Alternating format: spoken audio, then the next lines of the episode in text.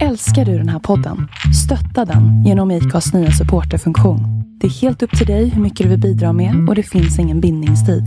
Klicka på länken i poddbeskrivningen för att visa din uppskattning och stötta podden. Välkomna. till ett eh, blåslaget avsnitt av Följekanten. Ja. 2015 fick 32-årige Anna Gray nog av sin ihärdiga dejt så tog hon till en drastisk lösning. Men jag vet inte. Men nu vet jag inte vad fan som hände. Alltså jag, jag började tveka på mitt eget psyke. Åh, spännande! Jag vill När höra vi, allt. när vi släckte ner och skulle sova. Det blev kolsvart verkligen i rummet.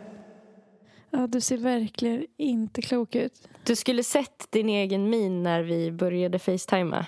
Ja, Alltså, du såg så jävla rädd ut. jag blev skiträdd. Du kanske kan beskriva hur jag ser ut?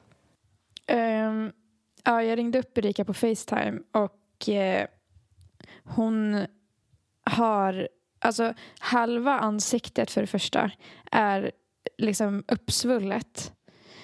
Det är liksom större än andra halvan. Och sen är det som en jättestor ostbåge på hela kinden eh, som är röd och uppskrapad.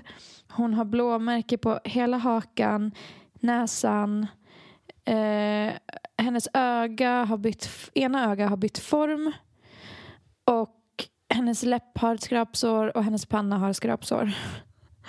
Jag tänker så här, innan vi berättar varför. Ja. Eh, kan vi inte så här typ eh, liksom eh, försöka spåna fram någon förklaring som hade varit mer typ hedersfull? Eller liksom typ att jag kanske räddade en flyktingfamilj. Eller Ja.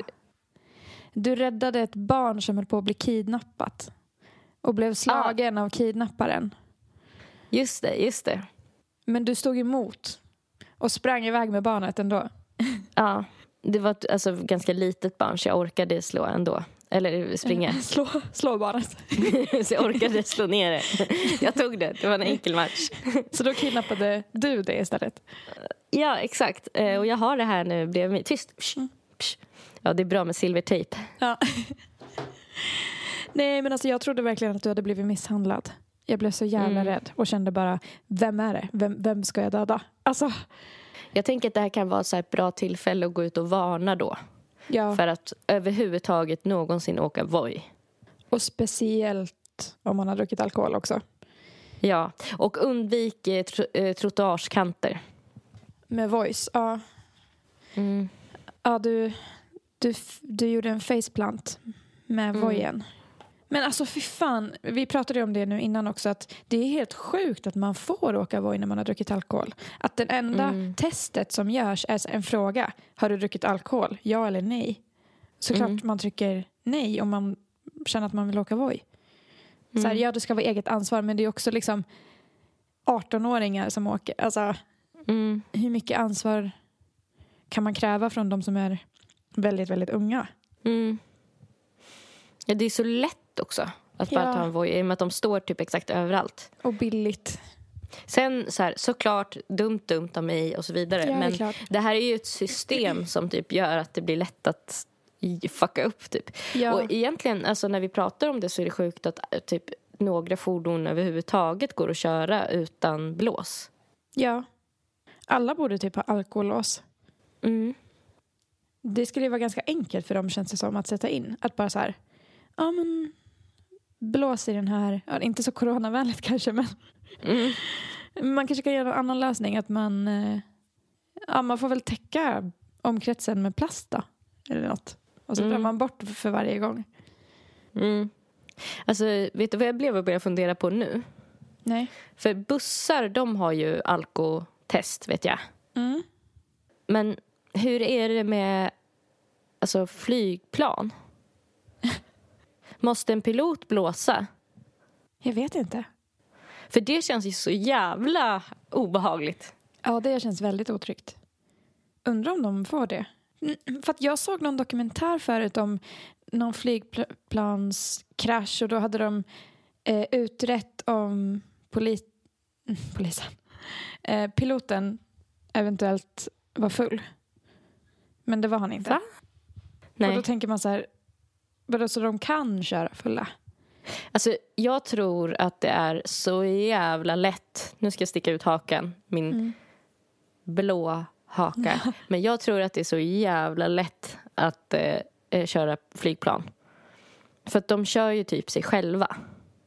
Ja. Man, som jag har förstått det så är det mest att de sitter och tittar lite grann. ja, det är väl mest att de måste vara, kunna köra manuellt också om något händer. Ja. Det är, här är två snillen som spekulerar. Måste piloter blåsa? Al alko... Det här gäller för piloter och alkohol i tjänst. Jag läser på svt.se. Enligt det europeiska regelverket får ingen alkohol intas senare än åtta timmar före incheckning på flygplatsen. Och i Sverige får den inte överstiga 0,2 promille. Jag tror att det är samma som för bil, om jag inte har helt fel. Mm. Får de blåsa då? Alkolås, inget för flygplan. Nej. Så då ska man bara lita på deras ord då? Ja, men det, de, är så på, de är så pålitliga. Ja. Då är det någon Gungar Ljungberg som säger att eh, eh, alkolås inte alls är aktuellt för att det har med den tekniska lösningen att göra. Ett alkolås får inte bli en säkerhetsrisk. Till exempel om det skulle bli fel på låset och planet plötsligt stannar under färd. eh, det får inte just hända. Personligen tror jag lösningen istället är en vanlig alkoholmätare som man får blåsa i någonstans innan man går ombord på planet. Ja, det, det tänkte jag också på. att de, Mm. de kan väl ha vid dörren? Att de bara, innan de sätter sig. Och kroppsvisitering. Ja, han ser allvarligt på tisdagens händelse. Tydligen ja, med den berusade andre piloten som stoppades i cockpit. Berosade. Beirauser. Berosade. Mm. Ja, det känns inte jättetryggt. Nej, Men alltså, nej, visst gör det inte. det känns så sjukt att flyga överhuvudtaget nu. För att jag har inte flugit på så länge. Uh, Minst två år. Ja, det är samma här. Jaha, grattis Mikael på 30-årsdagen och grattis till Rafed på 25-årsdagen. Och grattis till dig. Men vi kanske sa Till mig. grattis till dig förra veckan. Ja, det gjorde vi. Okej, det är inget dubbelgrattis här inte. Old news. Old news. Ja, just det. Jag kanske ska skvallra om vad jag fick för överraskning. Ja, Jag blev ju sjuk typ två dagar innan min födelsedag, eller tre. Jättesjuk. Men det blev faktiskt bättre efter ett dygn. Då blev jag mer så här normal förkyld och mådde ändå helt okej. Mm. Så dagen innan min födelsedag så fick jag packa det som stod på packlistan. Och eh, sen så um, skulle vi sätta oss i Valentinas bil. Och när vi satte oss i bilen så typ kom hon med så här två ballonger och en cider till mig. Och bara, här, du ska dricka den här på vägen. Typ. Jag bara, okej. Så, här. Eh, så började vi åka och så åkte vi mot eh, Rättvik-hållet. Så jag tänkte så här, jag tänkte hela tiden att vi skulle till Tällberg, vilket var kul Ja. att jag hade rätt, för jag hoppades lite på det. ja, ja, För Valentina har pratat om att hon så gärna vill dit. Så vi åkte till eh, ett hotell i Tällberg som heter Dalecarlia, som har spa Mm. också. Och jag fick såna jävla flashbacks när vi kom dit, för vi hade ju vår studentbal där. Och jag har inte varit där sedan dess. Och då blev jag så här. Shit det var tio år sedan jag var här. Och så såg jag Åh, liksom jävlar. den här äh, trappen som vi gick upp på i balklänning. Och jag kommer ihåg att när du och jag gick upp för den trappen så stod det några hockeykillar där nere som var så här, snygga esteter. Åh, var det därifrån det minnet var? Ja, Ja, men nu kan jag placera in det i boken av minnen. ja, det, var bara, det var bara som att gå in i en tidsmaskin. Det var så himla Ja. speciellt. Men eh, ja, så gick vi till hotellrummet. Valentina poppade en flaska champagne. Mm. Och så hade vi typ en halvtimme att fördriva innan vi skulle till spat. Så vi svepte ju en flaska bubbel hur fort som helst. Åh, och jävlar. blev skitfulla. På en halv timme också. Ja, och sen bara raj, raj, raj gick vi ner till spat. det var så jävla roligt att vara på spa och vara lite full. Ja, För man njöt verkligen. Så här. ja, jag förstår det. Eh, Och vi blev ju kompis med typ alla där eftersom vi var lite fulla. Så vi så- liksom minglade runt? Ja, vi snackade med alla. På en torsdag Jag vet. också? För det var typ massa företag där på spat. Vi hamnade i, i en så här utepool med tre äldre kvinnor som jobbade med psykisk ohälsa. Så vi satt och pratade Nej. skitlänge med dem. Och var så här, vi blev verkligen kompisar med dem. Mm. Och sen så stod vi, vi köpte lite drinkar där. Så i kön till Nej. baren Åh. så började vi snacka med någon här 50-årig polis. För det var tydligen en hel polisstyrka där också på spa. Liksom, tänk dig medelålders män som är poliser, verkligen tuffa grabbar som är där och spar med jobbet. Gud vad fint. Ja. Gulligt på något sätt. Och sen hamnade vi i en annan utepool med ett arbetslag som jobbade med typ bildäck. Det var också grabbar och då råkade jag hamna i en djup konversation om rymden med en av dem. Alltså shit vad sjukt så här, en torsdag typ eftermiddag så är man liksom lite eh, filurig under hatten typ och så sitter man där i någon pool och pratar med en människa som man aldrig skulle prata med annars. Fan vad Verkligen. mysigt. Ja, det var skitmysigt. Jag, jag och Valentina la oss här, um, på poolkanten och tittade ut. Och så var det helt mörkt och så såg man stjärnorna. Så vi låg Oh. liksom filosoferade om rymden och då joinade han. För han var så här, vad pratar ni om? pratar ni om Men rymden? gick det bra? Alltså klarade du av att prata om det? Var det för att du var lite full som det gick bra? Ja, jag tror det. Alltså för den det... som inte har förstått det hittills så får Nelly extrem dödsångest varje gång någon påminner henne om att rymden liksom är en grej. Ja, att det finns. ja, Jo, men det bidrog ehm, nog att jag var det, lite full. Det, var lite, det mådde bra liksom. Ja, och då började jag fråga honom om så här, vad han tror händer efter döden och förklarade att jag får lite ångest av rymden. Och han var så här, han var ju en sån som trodde att man bara dog och, och så dog man. Och jag Ja. bara, men hur kan du leva med det? Jag tar Alltså, avstånd. Jag tar Ja. avstånd. Hur kan det kännas okej för dig typ? Han bara, nej men det känns bara okej. Det känns bara bra typ. Och då frågade jag, har du varit nära döden någon gång? Han bara, nej. Jag bara, det kan nog bidra för det har jag. Och jag fick jättemycket dödsångest efter det. så, Mm. eh, Mm.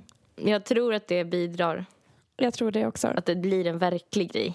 Ja, det tror jag också. Och sen så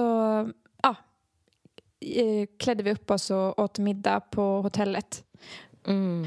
Vi var tillbaka på, på rummet klockan tio på kvällen som två tanter. Liksom. Mysigt. Då hade vi druckit hela kvällen och var så här, vi är klara för ikväll. Typ. Vi, vi går och lägger oss. Liksom. Det var så jävla Ja. nice. Fy fan vad mysigt. Eh, Men det var så mysigt typ att vi fick så mycket kompisar på spat för att sen när vi satt och åt middag och skulle gå tillbaka till rummet då var det så här, hej hej, typ hej hej. Ja, har ni också ätit nu? Ja, vad trevligt. Typ. Vi lyckades få en efterrätt gratis också på den här fancy restaurangen. Åh, är det sant? Score. Ja, för att Hur gjorde ni? eh, de hade bara en vegetarisk varmrätt. Mm. Så vi var ju tvungna att ta den. Och det var någon så här Mm. bakad sötpotatis med typ grönkålschips och sylt. Och typ Mm. en någon sparris. Så det var, det var jättekonstigt. Um, Alltså vegetarisk mat, jag måste bara flika in det. När man försöker göra vegetarisk mat och typ göra så här äh, svensk klassisk mat fast vegetarisk så tycker jag, tycker jag sällan att det blir speciellt gott alltså. nej, och det känns som att de försöker för mycket.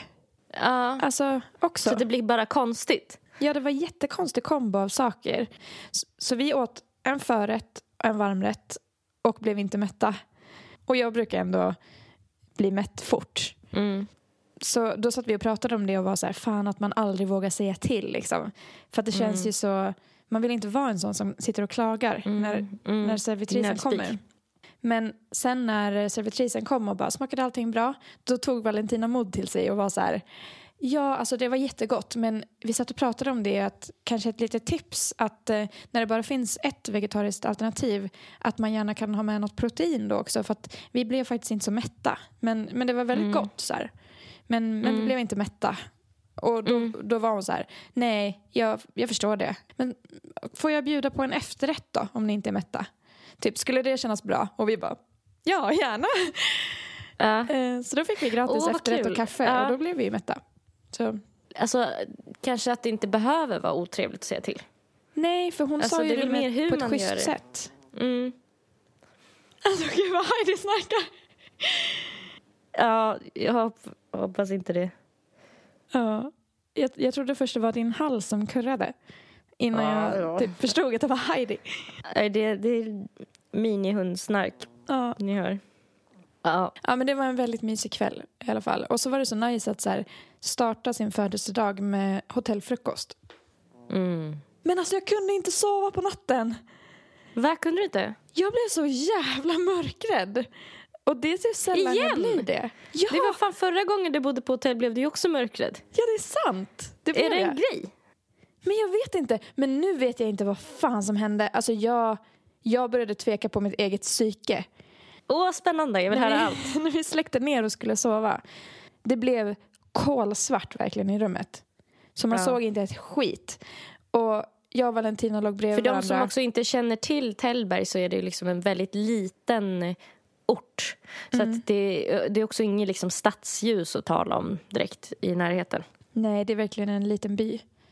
Mm. Och Valentina somnade typ direkt och vi låg bredvid varandra. Och jag låg och lyssnade på ljudbok så här. Och sen när jag började bli trött så tog jag ur hörlurarna och skulle försöka sova. Och då typ, Mm. precis när jag skulle somna, och det är här jag började tvivla på mitt psyke. För jag hörde en och en halv sekund av musik som slogs på i vårt rum. Alltså jag hörde så här... Du, du, du, du, du, du, du. Och sen blev det knäpptyst. Och jag bara slog upp ögonen och bara, vad fan, vad fan var det där? Och så, och så var det liksom helt tyst så att det var som att inget hade hänt. Och det var så obehagligt typ för att jag bara, alltså jag började tänka så här, kan någon ha kopplat upp sig på vår bluetooth-högtalare? Mm. Men samtidigt så, jag vet ju att den var avstängd. Mm. Och Valentina vaknade inte. Och då började jag typ tänka att, eh, men fan undrar om jag liksom somnade till Mm. och drömde det. Men det var så jävla verkligt. Jag hörde det Mm. verkligen. Och det gjorde Och att jag... ljudböcker brukar ju inte innehålla musik på det sättet heller. Nej, jag hade kopplat ur mina hörlurar. ah, du hade det? Ja.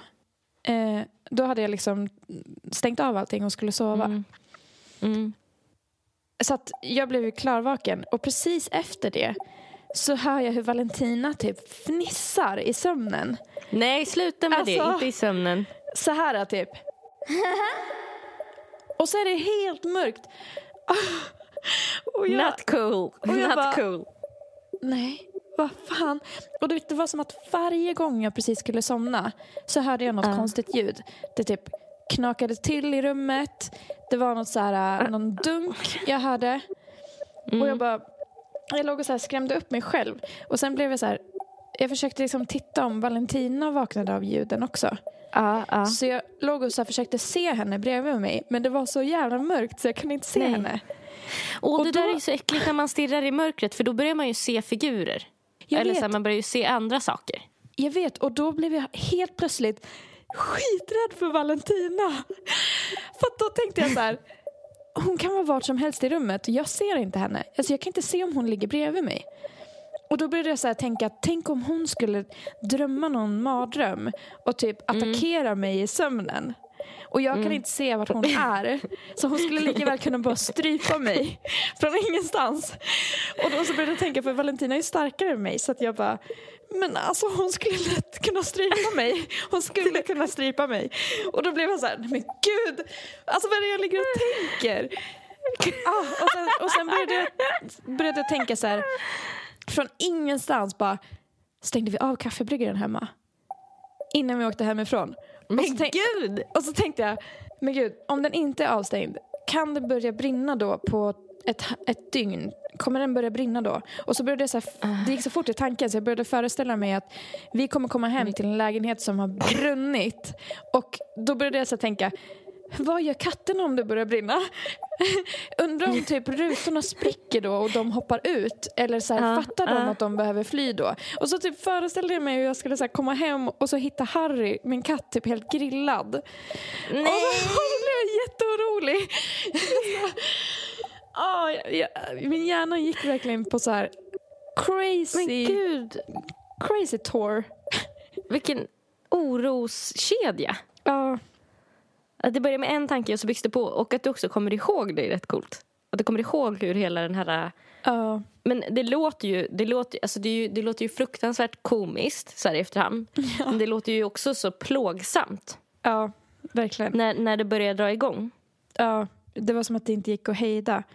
Och sen, så att jag var ju typ en zombie på frukosten. Alltså jag hade sovit så oroligt. Och jag hade knappt, alltså jag hade knappt sovit. Och jag satt och bara... Alltså jag är så trött. Jag är så trött. Jag har inte kunnat sova och Valentina hade ändå sovit bra liksom. Jag älskar att du typ också tänkte att hon kanske skulle ha ihjäl dig. Så att du låg på och var på din vakt och grejer. Jag vet. Jag berättade för henne på morgonen och hon bara, men gud. Alltså vad fan. Och Ja. Jag hade nog blivit... Alltså hade man inte blivit pyttelite förnärmad? Jo. Jo. Att, att så här, jo, jag kunde inte sova för att jag visste inte vart du var. Man bara, vadå, var, jag var? Jo, men du är ju starkare än mig. Var Alltså, du du så kunna rädd för mig? bryta min nacke om jag blundar nu. Så, Typ vad tror du om mig liksom? ja, Men, exakt. men jag var ju rädd att hon skulle så här, gå i sömnen. Alltså, Mm. det var jag rädd för. Ja, Men hon har ju aldrig gått i sömnen så att det var ju helt ologiskt. men... eh, Ja, Ja. men, hon gud. fattade ju att min hjärna hade eh, gått till. Crazy Town. Mm, ja.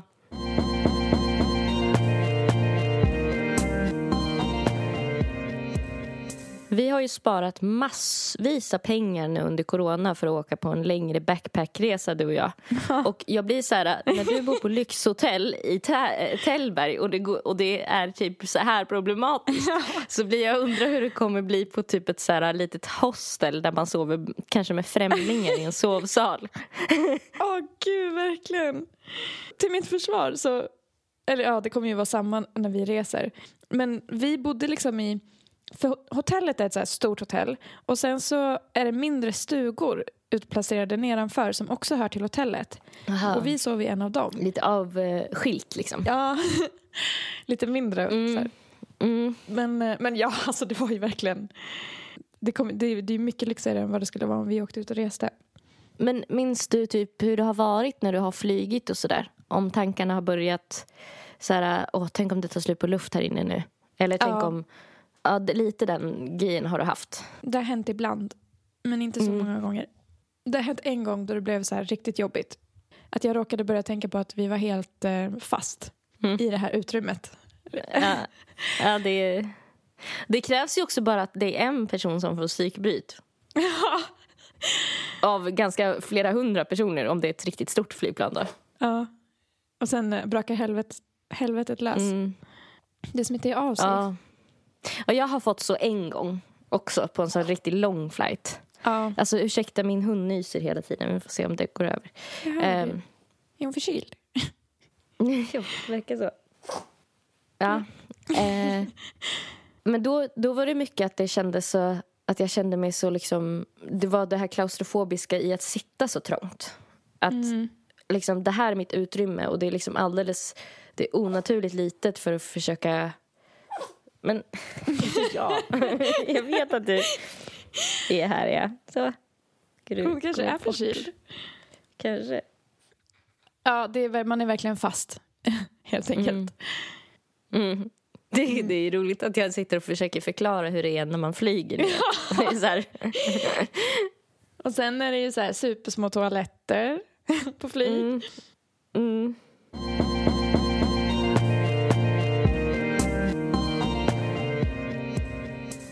Jag hade tänkt fråga dig hur det går med terapin. Jag har inte hört något om det på länge. Eh, nej, jag bokade bara inte in en vecka där jag sagt att jag skulle boka in och sen har inte jag bokat några fler möten efter det. Nej. Så att jag, har, jag hade typ tre, fyra terapisamtal Ja. med min terapeut på den här appen. Mm. Och sen efter det har jag inte bokat på fler. Och så bara, du vet, nu är jag nog lite i det här, ju längre tiden går så känns det så här, äh, det kanske inte är någon idé. Typ, ja, jag känner ju att jag borde. Då kanske du ska göra det nu då. Hämnas du nu? Jag hämnas nu. Okej. Men har ni... Har ni Nej, men för jag tycker varit? typ att det har varit, gått lite trögt. Alltså, jag tycker mest fortfarande att det har varit jag som har pratat om vissa grejer och sen så, så här, har jag inte riktigt fått några uppgifter. Har eller inte? någonting. Att så här, jobba, utan mer så här, du kan väl läsa lite. Och sen, men inget så här vad jag ska läsa. Eller så. Men undrar om du ska boka in dig på samma terapeut som jag hade. Nej, men ni har ju... Ni vet ju vilka varandra är. Ja, det blir lite Fan, det är synd konstigt. för att Hon var verkligen bra. Ja, hon lät ju väldigt bra. Därför att jag tycker att den som jag har haft har varit lite så vag och också lite så här... Ja men så här, du kan väl läsa lite och så fick jag något boktips tips någon gång och så frågade jag så här, ja men är det ungefär som den där utan press och oro eller så här, den som din terapeut hade tipsat dig om? Mm. Ungefär som den? Och då var hon så här, ja precis, ja nej men eh, nej det är bättre att du läser den bara, den är bättre. Eh, så man bara okej. Så du gav nu dig själv jag tips? mig själv om en bok jag redan har läst. Och sen så Ja. skulle jag läsa lite typ i olika mappar men ingenting stämde ju riktigt in så att det var så här, vad ska jag läsa? Och sen så har vi pratat och det har känts liksom lite ouppstyrt typ. Ja, jag fattar. Kan du säga det till henne kanske? Då kanske du också kan säga att eh, du har känt dig lite osäker på uppbyggnaden, eller så här, vad heter det? Mm, upplägget, ja. Upplägget, exakt. Verkligen. Ja, för jag hade ju gärna velat ha så här väldigt tydliga... För den som inte vet om det sen innan, men det, jag, så söker jag hjälp för prestationsångest. Och då skulle jag behöva liksom angripa problemet på ett väldigt så här uppstyrt sätt. Att så här, kanske den här övningen och den här övningen. Och liksom, Mm. Än att så här, prata lite löst om prestationsångest varje gång. Mm. Ibland vill de ju prata ett tag så de själva kan förstå vart man ska lägga mest fokus. Mm. Ehm, för det vet jag med mig då som gick för dödsångest. Att det tog ju ett tag Mm. för oss att komma fram till vilken mapp som var bäst för mig och typ eh, Mm. vilken övning som bet mest på mig. Mm. Jag var ju tvungen att testa lite olika så här, avslappningsövningar och där kände jag att det inte gav mig typ någonting. Eh, Och då Mm. var hon så här, okej men då har du prövat det. Du måste testa dig fram och se vilken övning som ger dig ångest och då är det där du ska fokusera. Så det kan ju hända att hon har någon plan men det kan ju vara skönt att veta det Mm. då. Mm. Ja, exakt. Men hur ser man vem man hade sist? Går det att se någonstans? Ja, du kan inte hennes namn eller? Eh, jag är ganska säker på att det är... Ja, där. Nu, jag hittade. Ja. Jag, jag var på väg att boka in fel person som var lite lik. det var så här jobbigt att bara, jag känner inte att det här har varit bra. Bla, bla, bla. Hon bara, vem är du? Jag kan inte hitta några tider som hon har överhuvudtaget. Mhm. Undrar om jag ska gå till en ny då eller? För nu är jag inne i januari och kollar. Det står att det inte finns några tider. Oj. Jaha. Ska jag vänta så länge eller hur? Men om du ändå har känt dig lite osäker på henne så kanske du ska testa en ny då? Ja, Om hon dessutom är borta så länge. Du måste nog känna själv om du pallar att Ja. vänta. nej, jag ska försöka boka en annan. Mm. 6 december, det är på måndag. Tisdag. Onsdag. Jag bokar en tid nu då. Bra. Vad valde du för person? Någon person som skulle vara specialiserad på typ stress och ångest och lite sånt där. Ja, en tjej eller? Ja. Mm. Som såg ut att vara i 40-årsåldern kanske. Mm. Fan, jag måste lägga in massa betalkort och sånt där. Det får Mm. jag kanske göra sen då. Nej men gör det nu så att du bokar. Så jag gör det. Ja, vi kan klippa bort det. Du vet när jag hamnade på tåget med någon gammal bluesmusiker från USA. Då pratade vi lite om eh, sånt och då sa, kallade han det för mental hygien. Att så här, precis som att man måste ha hygien med resten av kroppen så behöver man ha det för psyket också. Det tyckte jag var så bra sagt. Det är ett jättebra uttryck. Mm. Så min bokning är genomförd. Woo! Bra! Nu kan du känna dig duktig. Nu har du gjort något jätteduktigt idag. Det har varit, vilken Yes. produktiv dag. Ja, verkligen. Jag har funderat länge på folk som eh, så här, försöker fe- fejka sin egen död. Mm. Och eh, ibland har jag tänkt att, så här, att jag skulle vilja prata om det. Alltså folk som har fejkat sin egen död. Men det känns som att det är svårt för att de som har lyckats, eh, de vet man ju inte om. Nej, exakt. Så att jag tänkte typ, kan vi inte typ eh, googla lite folk som har försökt men misslyckats? Alltså om vi kan hitta några fall av, av folk som har försökt fejka sin egen död och så har det inte... Ja, vad kul. Jo, det kan vi göra. Death! Jag gick in på Nyheter 24 och läser om någon i Nordkorea Mhm. som ju många har velat fly ifrån. Eh, men det är ju inte speciellt lätt. Nej. I början av 2000-talet fick Dishun Kenmu en gåva av en japansk turist. En stor summa pengar som gjorde att han kunde börja importera varor från Kina. Men snart började hans kollegor mystiskt försvinna och han förstod att han inte längre var säker i landet. Den plötsliga rikedomen var inte uppskattad i Nordkorea. Genom att fly och aldrig titta tillbaka så lyckades han fejka sin död. Familjen kommer han aldrig kunna kontakta. Då skulle nordkoreanska myndigheter få reda på att han lever. Ja, det verkar lite konstigt för att det var inte förklarat hur, hur han gjorde. Mhm. Ska se om jag kan... För 50 dollar lyckades han muta sig till ett dödscertifikat där det stod att han omkommit i en bilolycka. Efter det lyckades han ta sig till Sydkorea. Mhm. Ja, det verkar vara fler som fixar sådana certifikat. Dödscertifikat. Jag hittade också en som hade gjort det. Det verkar som att i vissa länder, för jag hörde någon podd om det här, så i Indien så ska det vara typ väldigt lätt att få tag i det. Alltså falska dödscertifikat. Det är som att vi tipsar folk nu. Undrar varför det är så lätt där. Mm. Att, är det vanligare där? Det jag vet är att folk liksom från andra delar av världen reser dit för att fika sin död. Oj. Här står det orkade inte med sin dejt. Va? Death!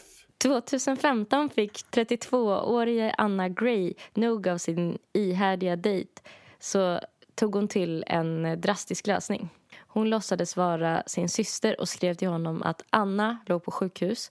Han skrev då att han gärna ville komma på besök.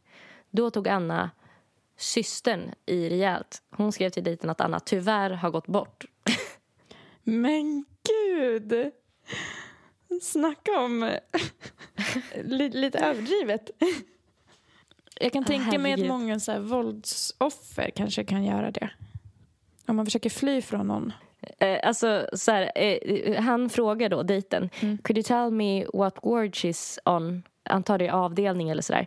Och då svarar hon I'm really sorry to tell you but we lost her eh, last night. Om sig själv. We lost her. Fick man se vad han hade svarat? Ja, Ann fick aldrig något svar tillbaka då. Men han lyckades hitta henne på dejtingsajten igen några månader senare och skickade ett argt meddelande. Han skickade ett otäckt meddelande. Kan inte säga att jag klandrar honom. Jag är för närvarande förlovad och inte död, säger Ann. Nej. Och ändå är hon ute på en dejtingsajt.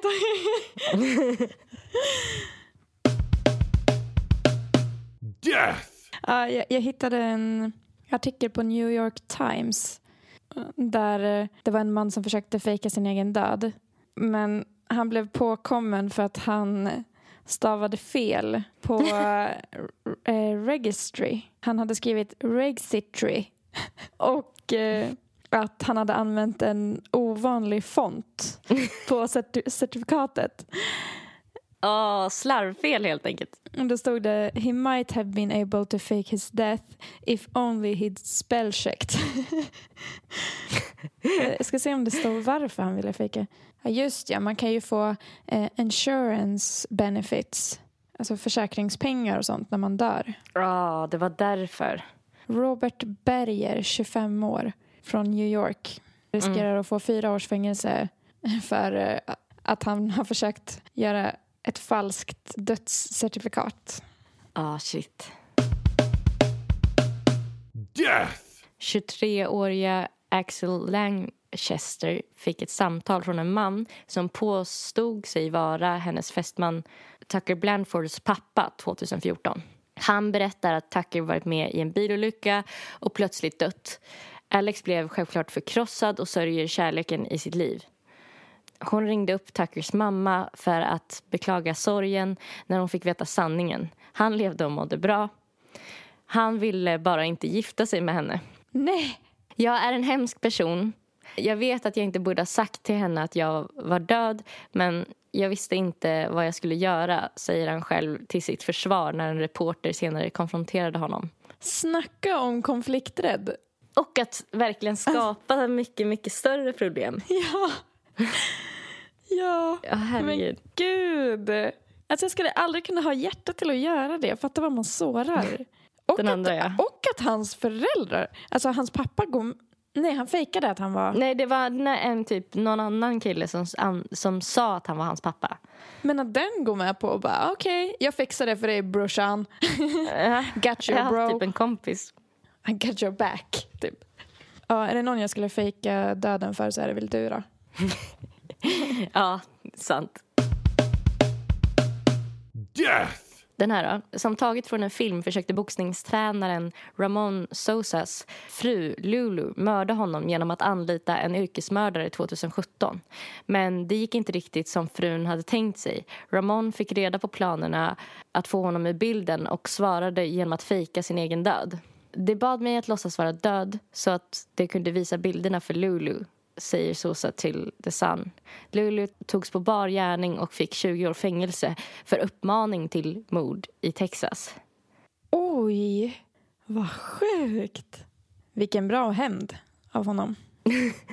Ja, det är kanske Alltså- det vi skulle ha pratat om i avsnittet om hämnd. Ja, verkligen. Men undrar om han... Nej, det har ju kommit fram att han fejkade sin död. Mm. Ja. Om han lyckades, om, tänkte du säga om det. han var fort, fortsatt tvungen att spela död. Men så kom jag på att Äh. nej, det finns ju en artikel om det. Sjukt bra hämnd. Ja, så att när hon försökte mörda honom så hamnade hon i fängelse istället. Mm. Death! Okej, den här är ganska spek- spektakulär. I mars förlorade en 28-årig bengalisk man ett vad och drog på sig spelskulder på ungefär 15 000 kronor. Då valde han... Alltså, det här är så sjukt. Då var, alltså, tänk om man var så här kreativ. Ja. Då valde han att anlita en skådespelare och spelade in en liten video där det såg ut som att han fick halsen avskuren och skickade till mannen han var skyldig pengar. När videon spreds på sociala medier så började polisen leta efter en kropp utan att lyckas. Både skådespelaren och den 28-åriga mannen hittades senare vid liv. Men gud. Men också 15 000 är inte allt för mycket pengar. Nu kanske han var väldigt pank, men jag menar, jag fatt, alltså en, du skyllde någon 100 000, en miljon. Alltså, Ja, 15 000, 15 000. kan man ju ändå fixa fram, väl? Eller är det privilegierat att säga så? Ja, alltså jag tänker att 15 000 kanske i väldigt så här, fattiga länder i och för sig är som flera hundratusen. Det är Kanske sant. vad du får för pengarna. Ja. Men alltså, um, alltså det här är ett rabbit hole märkte jag nu. Vadå? För nu kom jag in på Vera fejkade sin egen död, en artikel på Nyheter 24 också. Death! Förut har vi hört om folk som har planerat sin egen eh, begravning men sällan om det som vill vara vid liv samtidigt. Ehm, För att se sin egen begravning. Ja, typ. Eh, Jag, jag känner att jag måste skicka en bild till dig så du får se hur, hur det här ser ut. För att det, Um, vi har nog alla någon gång tänkt att det vore skönt att vara död, om så för ett litet tag. Typ när man skämmer ut sig inför sin crush eller bara inte orkar gå till skolan. Men som tur är rycker de flesta upp sig ändå. Men det är kanske inte riktigt vad man kan säga om Vera Lucia de Silva, 44, från Brasilien som låtsades vara död i ett helt dygn. Anledningen var att hon i 14 år har drömt om att se sin egen begravning. Oj. Om du scrollar ner lite kan du se en helbilds kroppsbild också på när hon ligger i kistan. Jag har väntat länge på det här och kan knappt tro att min önskan går i uppfyllelse, säger hon till Daily Mail. Veras vänner och familj trodde att hon skämtade eh, när de fick inbjudan men mycket riktigt skulle Vera hålla sin egen begravning. I en kista som hon fick donerad från Paolo Arajuo som äger en begravningsbyrå låg hon klädd i en vit klänning med eh, rosband runt händerna och den lägre delen av kroppen täckt av blommor. Hennes vänner och familj eh, klädde sig i svart för att visa sitt stöd och för några blev det så verkligt att det faktiskt grät. Under hela ceremonin som ägde rum under de dödas dag som firas den 2 november i Sydamerika låg hon i kistan medan de sörjande låtsades att hon var död. Eller ja, så bra det gick. I ena stunden låtsades hon vara död för att i andra skrämma livet ur besökarna. Men uh, hur fan kan hennes vänner gå med på att ha en fake begravning? De visste att hon inte var död. Alltså, Ja, det finns... Hon har drömt om det, vadå, vad var det, i 13 år eller något sånt. 14 år har hon Fjort- drömt om det här. Det är inte, ja, det... Alla har olika drömmar. Hon hade en sista önskan, nämligen att stänga locket till, till kistan. Varför då? Eh, sen bad jag dem att bära mig i kistan några minuter som om det tog med mig till min nedsättning. Men fy! Varför vill man det? Det låter som min, min värsta mardröm. Ja, ligger och skrattar där i kistan också kan man se på fler bilder. Ja, jag såg det. Ugh. Death! Jag såg eh, något om en man som heter Raymond Roth. Ja. Eh, han fejkade att han hade drunknat. och han blev avslöjad att han fortfarande levde genom att bli stoppad för fortkörning. Aj, aj, aj. Man bara... Nej. Åh herregud. Death! Influencer fejkade sin död, greps av polis. En redigerad video skulle få tittarna att tro att Ify Khan blev påkörd av ett tåg. Influencern har nu gripits av polis efter att ha fejkat ett självmord. Det var ett misstag, sa Irfan Khan till Vice World News. Den indiska youtubern och influencern Irfan Khan, 28, eller Ify Khan som han är känd som, genom sociala medier har gripits av polis efter att ha fejkat sin egen död. Irfan Khan publicerade en redigerad video på när han blev påkörd av ett tåg på Instagram som skulle få tittarna att tro att influensen hade begått självmord efter att hans kärlek hade avvisat honom. Jag gjorde det för underhållningen. Det var ett misstag. Min avsikt var aldrig något dåligt eller att uppmuntra människor att begå självmord, sa Irfan Khan till Vice World News. Irfan väntar nu på domstolens dom. Han ville bli viral. Mm, såklart. Efter publiceringen av videon trodde flera av Khans släktingar att han var död och influencern valde då att ta bort filmen. Han ville bli viral men hade inget annat innehåll att göra. Han ville göra en video för att öka medvetenheten om självmord men den han gjorde blev fel, har Subham Joshi, Khans barndomsvän, berättat för sajten. Flera experter är nu rädda att videon kan få allvarliga konsekvenser. Det vi ser just nu efter covid-19 är att fler människor utvecklar depression och självmordstendenser. Mm. Många människor funderar på eller har en nyfikenhet kring självmord. Så när de ser en video som den här ser de på självmord som en lätt utväg istället för att hantera sina mörka känslor, Mm. sa Sima Hingorani, psykolog och terapeut till Vice Mm. World News. Men gud vilken jävla efterkonstruktion. Att så här, det var för att öka medvetenheten. Först började han Ja. så här, nej alltså det blev fel, det blev fel. Eller nej jag menar, jag ville, eh, jag Ja. s- slåss för folk med psykisk ohälsa. Ja.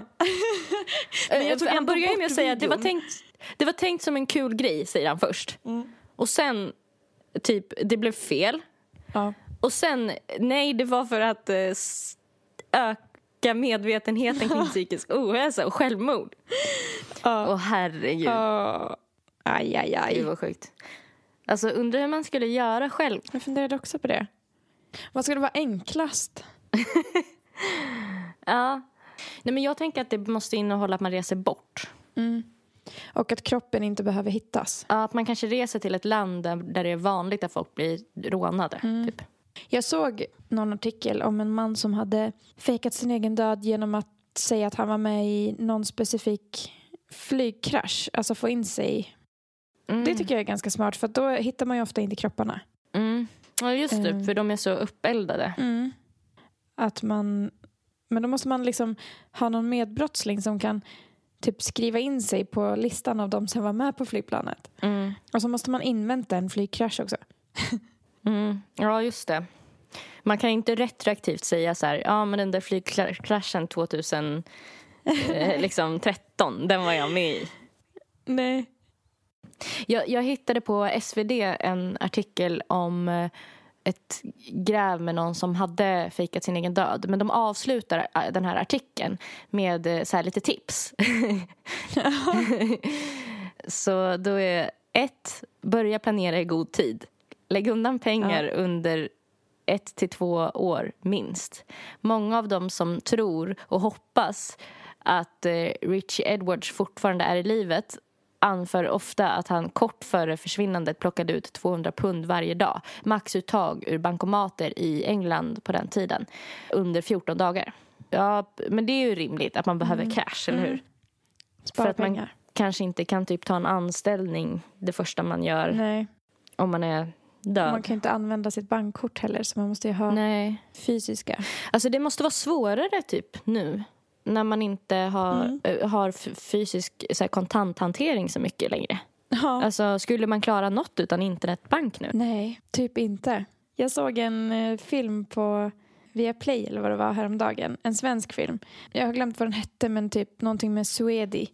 Där det var en, en invandrare som ville bli svensk. Mm. Så han och några kompisar hittar typ 30 miljoner i en väska i en sjö i cash. Och så delar de det på tre Mm. och då typ köper han sig ett helt nytt liv och typ ska fejka att han är svensk Ja. och bli med i den svenska, eh, bli sedd som svensk. Men plot-twisten i filmen är att typ, de har bestämt sig för, regeringen har bestämt att alla 500 sedlar eh, blir ogiltiga om typ ett halvår för då ska vi byta ut dem. Och han hade så här eh, flera miljoner i 500 sedlar. Oj, vad stressigt! Och så han var tvungen att försöka tvätta pengarna på något sätt och så här få nya pengar. Ja, och typ av den anledningen känns det också jättesvårt att ha för mycket cash för att helt plötsligt så gills Byts. de inte längre. Ja, Eller så byts Ja. de ut. Och så står man där med ogiltiga sedlar. Okej. Eh, nästa tips då. Två. Det här var lite vad det var, vi var inne på. Håll inte på att krångla med att fejka dödsfall. Bara försvinn. Säkraste sättet för en kvinna är att säga att man planerar en ensam vandring i en nationalpark. Mm. Eh, ja, nej, men det är ju, säger sig själv, tänker jag. Att man, man, jag tror man lägger krokben på sig själv när man ska börja... Ja, jag drunknade, typ så här. Eh, Eller liksom... Ja, det enda problemet med att försvinna det är ju att familjen kommer leta efter en så himla länge. Ja, Och då måste man hålla sig gömd så länge tills de slutar Mm. leta. mm. Men man, och sen så vill man ju inte fejka för alla, tänker jag. Nej. Det, eller? Det beror på om man hatar alla i sitt liv. Ja, precis. Men polisen kommer ju hålla koll, tror jag, på de närstående också. Så att, speciellt om man har varit inblandad i någonting innan så kommer de ju säkert lyssna av ens föräldrars telefoner och sådana där saker. Mm. Ja, då måste man... Ja, det blir svårt. Nummer tre, där står det bara så här. Fundera länge på om du verkligen klarar det.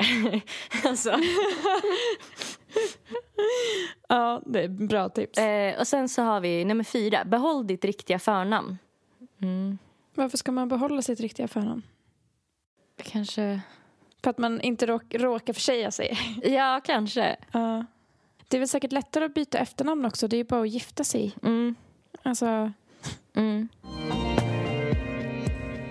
jag måste verkligen eh, gå. Ja. Tack för att ni har lyssnat på Fulekanten. Tack så mycket och vi hörs nästa vecka. Lite mer förberedda kanske. På Instagram så heter Nelly Nelly Malou och hon heter också Nelly Malou på alla streamingtjänster där ni kan lyssna på hennes grymma musik. På Instagram heter Erika zebra track och på, se- Track. och på Spotify heter hon Zebra Track och Zebra stavas med C. Okej, ha en jättefin lördag. Puss och kram. Puss och kram. Puss och kram.